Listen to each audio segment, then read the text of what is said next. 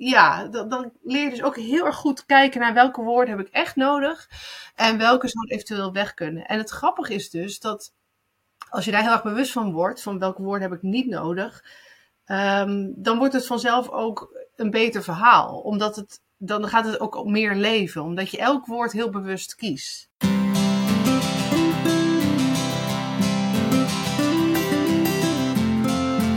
Hoi! Welkom bij Schrijfpraat, de podcast. Wij zijn Emmy en Kim en in deze podcast praten wij over schrijven en over alles wat daarbij komt kijken. We spreken boeiende gasten, behandelen interessante onderwerpen en we drinken thee en koffie. En we lachen, dat ook. Vooral om onszelf en onze eigen valkuilen. Want boven alles is schrijven gewoon leuk. Even een kleine disclaimer. Omdat wij de podcast op afstand, dus online opnemen, is de geluidskwaliteit niet van studioniveau. Maar hey, het gaat om de inhoud, toch? Hallo allemaal, hallo Emmy. Goedemorgen. Oh ja, goedemiddag of goedenavond. Of ik weet niet wanneer jullie luisteren natuurlijk. Voor ons is het ochtend in ieder geval. Zeker. Heel vroeg, met een kopje koffie. En ehm, vandaag gaan we het eens hebben over het schrijven van korte verhalen. En vooral ook wat het verschil nou precies is tussen het schrijven van boeken en korte verhalen. En wat onze eigen ervaringen daarmee zijn. En um, ik weet van jou, Emmy, dat jij uh, een tijdje ook jezelf hebt uitgedaagd, volgens mij, om elke maand een kort verhaal te schrijven. Um, nou, vertel daar eens over. Ja, dat klopt. Ik was um, eind 2022, uh, eh, nee, 2021, dacht ik, klaar met mijn manuscript. En ik wilde uitgevers gaan zoeken. En toen dacht ik, ja, maar ik wil ook blijven schrijven. Want als ik dat niet doe, dan ja, dan komt er zo een beetje zo'n zo'n vacuüm of zo. En dat wilde ik niet. Ik wilde echt blijven schrijven. En toen had ik opeens het idee om uh, korte verhalen te schrijven. En dat kwam een beetje omdat ik um, de kerst daarvoor waren wij op vakantie. En toen hadden we allemaal boekjes meegenomen om mijn kinderen voor te lezen. Maar die waren uit. En toen zeiden ze: Mama, kan je niet zelf een verhaaltje verzinnen? Toen dacht ik: Nou, dat zou ik toch moeten kunnen. Uh, en toen heb ik een verhaal verzonnen over een magische kerstbal en dat viel zo in de smaak dat ik later dacht, eigenlijk moet ik dit opschrijven. Want uh, ja, ik verzin het nu allemaal bij elkaar. Maar uh, ja, het is eigenlijk zonde als ze het zo leuk vinden. Dus dat heb ik gedaan. En toen dacht ik, uh, een jaar later dus, van goh, misschien kan ik uh, wel wat vaker korte verhalen schrijven. Ja, bij in mijn hoofd ontstaat dan meteen een soort ehm, ja, ik wou zeggen centrifuge aan ideeën. En dan, daar kwam uit dat ik dacht, oh ja, ik ga mezelf inderdaad uitdagen om elke maand een kort verhaal te schrijven. Ja. ja, als ik toen had geweten waar, wat ik mezelf daarmee op de hals haalde, weet ik niet of ik er nog aan begonnen was. Maar um, dat heb ik gedaan. Ik heb tien korte verhalen, geen twaalf, want ik dacht de zomermaanden ga ik dat niet redden. En um, daar, daar, moet ik mezelf ook een beetje de ruimte in geven. Dus ik heb tien korte verhalen geschreven in 2022. Um, ehm, en ik zal maar meteen zeggen wat ik daar het allerlastigste aan vond. En dat is het kort. Korte stukje. Verhalen, geen probleem. Maar kort, dat vind ik echt heel moeilijk. Ik heb, ja. um, ik heb besloten om iets te doen met, alle, met informatie die ik tegen was gekomen uit de research, in de research voor uh, mijn boek. Dus het eerste verhaal ging bijvoorbeeld over een krantenartikel wat ik tegen was gekomen. En het tweede verhaal in een hele andere tijd, maar over de Elfstedentocht in 1941. Mm -hmm. um, maar dat heb ik uiteindelijk in drie delen geplaatst, omdat het zo'n lang verhaal, lang kort verhaal was geworden, dat het eigenlijk te lang werd om uh, in één keer te plaatsen, omdat het van, vanaf een beeldscherm dan toch lastiger leest. En ja, dan hebben mensen toch liever wat kortere stukjes. Um, maar dat vind ik echt moeilijk, om dan, als ik echt in zo'n verhaal zit en inspiratie heb, om het dan kort te houden. Ja, als ik het zo hoor, dan klinkt het ook alsof je eigenlijk. Um, het zijn dus ook allemaal hetzelfde genre als het boek dat je aan het schrijven was. Dus een beetje de historische roman, toch? Ja, zo ben ik wel begonnen. Ja. Uh, maar ik dacht, ja, als ik mezelf echt wil uitdagen, moet ik natuurlijk ook eens iets anders proberen. Uh, ik heb er nog twee geschreven met mijn oudste zoon. Die, want mijn jongste twee hadden dat uh, magische kerstbalverhaal gekregen natuurlijk. Dat heet Lars en Mats en de magische kerstbal. En toen zei ik tegen mijn oudste van, goh, vind jij het ook leuk? En hij is altijd heel erg geïnteresseerd geweest in de Romeinen en de Grieken. Dus ik heb ook een, twee jeugdverhalen geschreven over de Romeinen. Eentje over de Romeinen en eentje over de Grieken. Ja. Um, samen met hem. Um, en ik heb nog een soort feel-good-achtig verhaal geprobeerd. Uh, Oké, en uiteindelijk... wel verschillende genres uh, ook wel. Heb ik wel geprobeerd, ja. Ja, maar toch klinkt wel alsof het uh, meer eigenlijk novelles zijn. Dus eigenlijk potentie voor een heel boek. Um, wat je dan toch hebt, jezelf hebt gedwongen om in een soort kort verhaal te proppen. Dus dan maak je jezelf ook niet heel erg makkelijk mee, denk ik. Nee, ik was natuurlijk helemaal niet voorbereid op het schrijven van een kort verhaal. Ik had een, een manuscript geschreven van uh, meer dan 80.000 woorden. En ik dacht, nou, nu doe ik dat wat korter. Maar zo werkt het uh, dus niet. Um, nee. En ik ging ook allemaal, want ik, ja, één verhaal, dat, maar dat is ook wel een persoonlijk verhaal. Dat gaat over mijn overgrootvader die in het Friese verzet zat in de Tweede Wereldoorlog. En uh, op de dag van de bevrijding om het leven is gekomen. En dat verhaal heb ik altijd willen schrijven. En toen dacht ik bij die korte verhalen, ja, dit is het moment. Maar daar moest ik heel veel research voor doen. Maar echt heel veel research. Dus om dat gewoon in één maand te doen, dat was eigenlijk ja, een onbegonnen, onbegonnen werk. En ook het verhaal inhoudelijk klinkt weer als, als dat het ook misschien wel verdient om ook weer een heel boek te worden dat, ik, dat had ik dus met een aantal verhalen. Dat ik echt dacht, eigenlijk is het zonde dat dit maar zo'n kort verhaal is. En misschien moet ik hier nog eens iets meer mee doen. Maar ja, ik heb wel uh, op een bepaald moment ook gedacht, oké, dit loopt uit de hand. Want ja, als je een heel lang verhaal schrijft, moet je ook een heel lang verhaal herschrijven. En uh, mijn moeder deed de, de redactie. die, uh, die las het dan en die haalde er nog wat foutjes uit. Um, dus dat was voor haar dan ook steeds een hele klus. Dus ik heb op een bepaald moment wel gedacht, ik moet mezelf wel een soort maximum aantal woorden geven. Uh, en ik heb ook nog meegedaan aan een schrijfwedstrijd toen. En toen had ik een maximum van 750 woorden. Dus dat was echt, dat vond ik echt heel moeilijk. Ja. Maar ja, ja, ik vond het ook gewoon leuk om mezelf daarin uit te dagen. En ik had natuurlijk ook niet per se een doel met die korte verhaal. Ja, maar zeker. Dat is ook heel nuttig.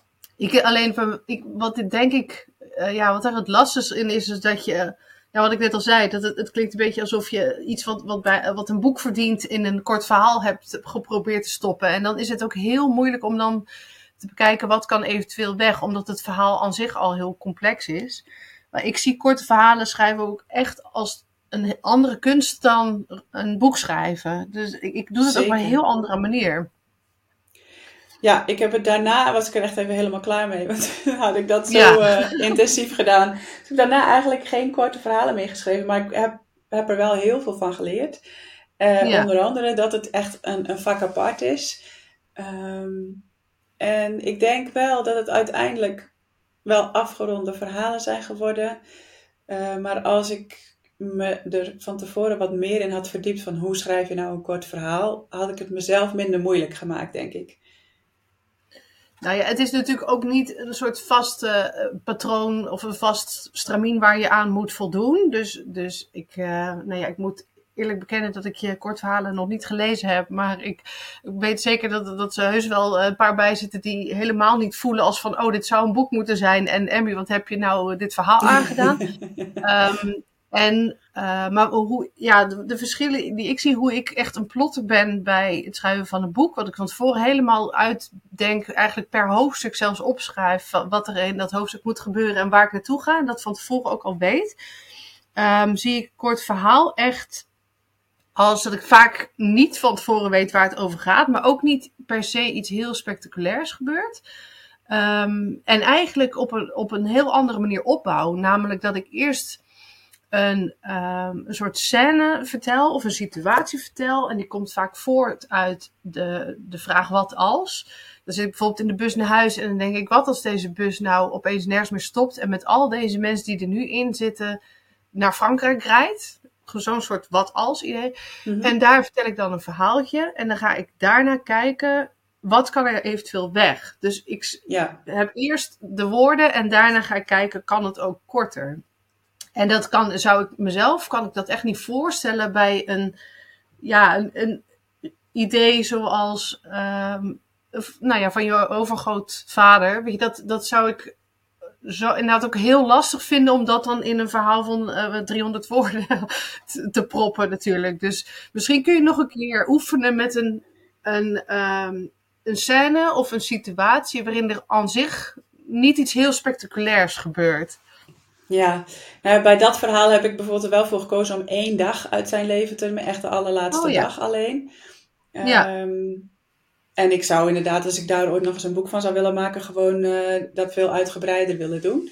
Ja. Um, wat wilde ik daar nou nog over zeggen? En inderdaad, ik heb, wat ik me ook voornam, was ik schrijf gewoon eerst het verhaal wat in mijn hoofd zit. En daar ga ik schrappen. Ja. Um, dat heb ik ook echt heel veel gedaan. En, maar ik had dus heel lang geen maximum aantal woorden. Um, maar ik, ik, bedoel, korte verhalen kunnen ook 2000 woorden zijn. Hè? Dat, dat, uh, dat is natuurlijk. Ja. Maar net wat je er zelf onder verstaat. En als je dat gaat googlen, want dat heb ik toen wel eens gedaan, weet ik nog. Dat ik dacht, ja, wat, wat wordt er eigenlijk verstaan onder een kort verhaal? En dan, dan kan het uh, ja, tussen de, jouw fameuze zes woorden verhalen tot uh, eh, 5000 of soms wel, uh, wel 10.000. Dat blijft nog steeds een kort verhaal. Ja, ja, ik heb altijd geleerd vanaf 10.000 is het officieel een novelle. Ja. Dus alles daarvoor zou dan een kort verhaal zijn. Maar goed, ook daar zijn natuurlijk de, de, de richt, het zijn maar richtlijnen. Het, het ligt niet vast ergens in de wet of zo. Nee, dat is ook zo. Nee, gelukkig niet. Nee, dus um, ja, je hebt in die zin ook nog wel weer wat ruimte om veel dingen te vertellen. Alleen waar ik um, zelf wel een beetje tegenaan liep, is dat je, omdat je, als je gewend bent om hele lange verhalen als in een boek te schrijven, dan heb je meerdere personages. Uh, Je hebt een plot met allemaal subplots. Je hebt een setting die je wil beschrijven, uitgebreid. Uh, je, je hebt karakters die je, die je ja, echt hè, wil uitdiepen. En daar heb je gewoon geen tijd voor in een, uh, in een kort verhaal of geen ruimte. Dat, dan moet je dat op een andere manier doen. Ja, wat toch wel soms lukt. Dus ook daarin zou je jezelf kunnen, kunnen uitdagen. Ik denk dat ik ook heel. Uh, ik ben ooit begonnen op Twitter toen dat nog. Uh, toen was zo'n tweet nog 140 tekens. Dus dan hebben we niet eens over woorden, maar echt over de letters en de spaties. En toen heb ik uh, elke dag een verhaal van exact 140 tekens geschreven. Oh en dat is dan eigenlijk dus, nou ja, 1 à 2 zinnen. Ja. Um, waarin ik dus elke keer een soort klein verhaaltje bedacht. En dan net zo lang heb zitten schuiven met woorden en schappen. En zelfs soms iemands naam, weet je, dan heet ze eerst Marlies. Maar dan had ik nog twee letters te weinig. En dan gaf ik haar maar een andere naam. Ja. 40 tekens was. Maar het was, ja, ik zie dat echt als een soort puzzel. Dus ik bedenk eerst het verhaaltje. En dan ga ik echt als een eindredacteur met die woorden zitten, met synoniemen zitten bedenken. En uh, soms een beetje sjoemelen met, met interpunctie, om, zodat het precies past. En als je dat elke dag doet, dan leer je ook wel, ja, dan, dan leer je dus ook heel erg goed kijken naar welke woorden heb ik echt nodig en welke zou eventueel weg kunnen. En het grappige is dus dat als je daar heel erg bewust van wordt, van welke woorden heb ik niet nodig, um, dan wordt het vanzelf ook een beter verhaal. Omdat het, dan gaat het ook meer leven, omdat je elk woord heel bewust kiest. Ja, en alles wat je dan schrijft draagt bij aan wat je wil zeggen. In, ja, in tegenstelling tot als je de ruimte hebt, dan gebruik je vaak ook heel veel woorden die nou ja, meer opvulling zijn, zeg maar, dan echt bijdragen. Ja, en je wordt ook bewust van, oh, eigenlijk zeg ik hier twee keer hetzelfde, dus deze zin kan weg. En oh, dit woord heb ik nu drie keer gebruikt, dus uh, die, die, ga ik er twee keer uithalen. En dus het maakt je ook vanzelf een, een betere schrijver, of in ieder geval bewuster van hoe je je boodschap wil overbrengen. Dus ja. Uh, ja, ik kan het iedereen aanraden om zeker ook uh, als je een boek aan het schrijven bent, om daarnaast korte verhalen te schrijven. En het liefst ook iets wat misschien helemaal niks met je boek te maken heeft. Dat je echt in een ander genre of met totaal andere personages en dat je, um, ja, je moet niet denken dat je echt alleen 100% met je boek bezig hoeft te zijn. Want ook als je andere dingen schrijft, bijvoorbeeld een gedicht of wat dan ook, dan stimuleer je ook je creatieve geest. En dan krijg je ook toch weer inspiratie voor dat boek waar je misschien net in vastgelopen was. Nou ja, al is het alleen al. Uh, Stephanie en ik hebben in het begin ooit eens een keer uh, een, een, podcast opgenomen die uh, heette Hoe train je je schrijfspier? Ja. Ehm, ja, alleen daar al is het, is het nuttig voor. En je, je hoeft ook niet per se iets te doen met die, met die korte verhalen. Hè? Ik heb ze allemaal op mijn website gezet, maar dat hoeft natuurlijk niet. Um, ik moet ook zeggen, als ik ze nu teruglees, denk ik ook, mm, dus misschien ga ik ze er binnenkort ook maar eens afhalen. We zijn inmiddels ook weer twee jaar verder en ja, dan verandert het toch weer zoveel dat je denkt, ja, ik weet niet of ik dit nog, uh, of ik hier nog achter sta. Uh, maar ik vond het wel hoewel ik af en toe die hele korte verhalen vervloekte, omdat de datum er weer aan zat te komen, dat ik met mezelf had afgesproken dat er weer eentje online moest komen, heb ik het ook wel heel leuk gevonden. Ik heb allerlei mensen weer uh, gesproken. Uh, bijvoorbeeld over dat verhaal over mijn overgrootvader heb ik heel veel verre familieleden bijvoorbeeld uh, leren kennen die allemaal zeiden, oh ja, dus ook mijn overgrootvader. Want zij hadden acht kinderen, mijn overgrootouders. Dus dat is een hele grote familie. Ja, die, bijzonder. Ja, dus dat, ja, dat, en ik heb, bedoel, ja, ik heb veel reacties gekregen op al die verhalen. En dat is wel heel leuk natuurlijk. Ook omdat je, als je een boek schrijft, soms zo lang in je eentje aan het schrijven bent zonder dat iemand weet wat je doet of er ook maar iets van vindt. Ja, dan is het best leuk om af en toe wel reacties te krijgen op je verhalen natuurlijk. Ja. Ja, en ik zet dus, uh, ik heb, zet het niet op mijn website. Die, die heeft echt um, schandalige achterstand qua update van wat ik allemaal doe. Maar mijn uh, Instagram-account van, van mijn auteurspagina, dat, ja, dat zijn eigenlijk alleen maar mijn korte verhalen. En dat is ook wel, dat is nog een voordeel van kort verhalen schrijven. Het is ook eerder klaar. Dus zeker als je zes ja. woorden verhalen schrijft, daar hoef je niet weken over na te denken. En uh, ook daarbij geldt dat als je maar zes woorden mag gebruiken, dat elk woord moet een betekenis hebben. Ik kan ja. eigenlijk niet. Um, het woordje de is eigenlijk al zonde, want dan heb ik al één woord minder van de zes. Ja. En dus elk woord wordt afgewogen. En de een is, vind ik zelf, beter dan de ander. Maar door het wel altijd te posten, krijg ik ook weer reacties. En gaan mensen ook weer zelf voelen zich geïnspireerd om daar ook iets mee te doen. Ja. En uh, dus het grappige is, op mijn account op Instagram staat eigenlijk vrij weinig over de boeken die ik schrijf. Maar is het vooral de korte verhalen nu geworden. Dus uh, ja, dat kan natuurlijk ook. Dat is ook een manier dat je gewoon eigenlijk verschillende bronnen hebt waar je je eigen schrijfwerk post. Ja, zeker. Ja, het is ook lastiger om over je boek te posten op Instagram, ja. denk ik. Want ik denk ook, ja, wat moet ik er nou over zeggen? Ja, ik kan misschien ja. wel een fragmentje doen, maar ja, wat als dat het niet haalt in de uiteindelijke versie of zo? Dan is het ook zo lullig dat zoiets er dan wel op staat. Ik heb het in het begin wel gedaan, want was ik zo enthousiast. Toen dacht ik, nou, ik gooi gewoon alles erop wat ik bedenk. Maar ja, nu is dat, uh, is dat ook anders. En dan vind ik, denk ik soms ook, ja, wat, wat zal ik nou weer eens vertellen? En volgens mij had jij nog iets leuks bedacht voor onszelf ja. en vooral ook voor onze luisteraars, toch? Ja, ik wil uh, heel graag jou, maar ook uh, de, al, de luisteraars uitdagen met een soort kleine schrijfchallenge. Um, dat je een kort verhaal schrijft en de situatie is in de supermarkt. Dus ik heb even iets gekozen waarvan ik denk van nou, er gebeurt niet elke dag iets heel spectaculairs. Um, maar dat is de setting. En dan mag je zelf mee aan de slag. En je mag zelf kiezen of je het in de ik-vorm of dat het uh, in de derde persoon is geschreven. En je schrijft er gewoon een scène zonder te veel erover na te denken. En zodra het af is, ga je schrappen en schuren totdat het 300 woorden zijn. Het mag ook minder dan 300 woorden, maar maximaal 300 woorden. En deze oefening uh, mogen jullie allemaal naar mijn bedrijfsaccount sturen, dus Ware Woordenwereld. En dan uh, ja, krijg je feedback van mij daarop.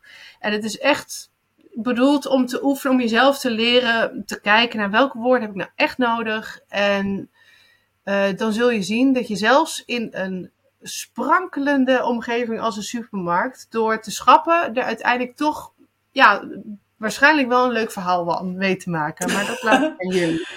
Oh, mijn hoofd slaat al helemaal op hol nu. Oh gosh, hoe ga ik dat doen? Maar ik ga het ja. wel proberen. Dat is, um, ja. dat is zeker. In de supermarkt. Ik kom dus bijna ja. nooit in de supermarkt, hè? Oh. nou, dan is het maar voor jou helemaal een, een uitje van, van het jaar. Zal ik dat eens doen, ja. Ja. Oké, nou leuk. maar, ja, iedereen die mee wil doen, die ja, mail het, stuur het naar me op of stuur het naar mijn Instagram, Ware Woordenwereld. En dan krijg je van mij feedback. En ja, ik ben heel benieuwd leuk. wat er op afkomt. Leuk, leuk. Ehm, nou, gaan we, ik ga het doen. Ga je zelf ook nog eentje doen? Over de supermarkt? Ja, waarom niet eigenlijk? Ja. nou, leuk. Ik ben heel benieuwd. Ehm, en voor ehm, onze luisteraars, ja, nou, eh, eh, voel je uitgedaagd zou ik zeggen. Ik voel dat wel. ik ga het proberen. En dan zien we jullie eh, reacties wel verschijnen. Jullie verhalen over de supermarkt. Ja, ik ben heel benieuwd.